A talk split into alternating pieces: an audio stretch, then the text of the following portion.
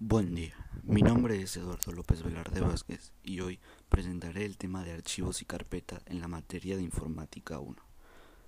Soy del Colegio Santa Lucía y bienvenidos. Primero que nada, debemos saber qué es un archivo. Bueno, un archivo es un edificio o local donde se conservan los documentos ordenados y clasificados que produce una institución, personalidad o cualquier individuo, en el ejercicio de sus funciones o actividades. También es importante saber qué es una carpeta. Una carpeta es un objeto que se utiliza para agrupar y proteger papeles sueltos. Las carpetas de archivos consisten generalmente en una lámina de cartón gruesa doblado por la mitad, con una superficie superior a la de un papel.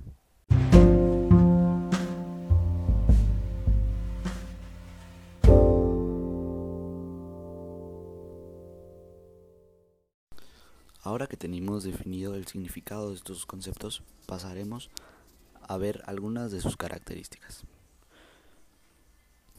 Alguna característica del archivo notable es que se dividen o se miden en bytes, kilobytes, megabytes y gigabytes, que depende de la cantidad de los datos que contengan.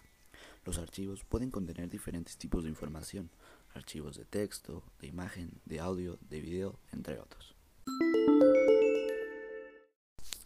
Una carpeta básicamente es todo aquel que guarda o adjunta archivos en una sola ubicación para no tener que perderlos y poder acceder a ellos fácilmente.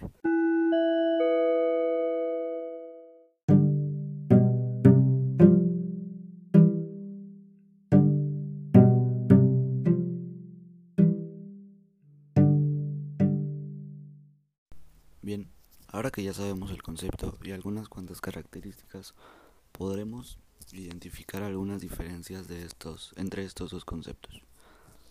La primera, eh, la carpeta es todo aquel que almacena a los archivos, es decir, que se podría decir que el padre es la carpeta y el archivo el componente.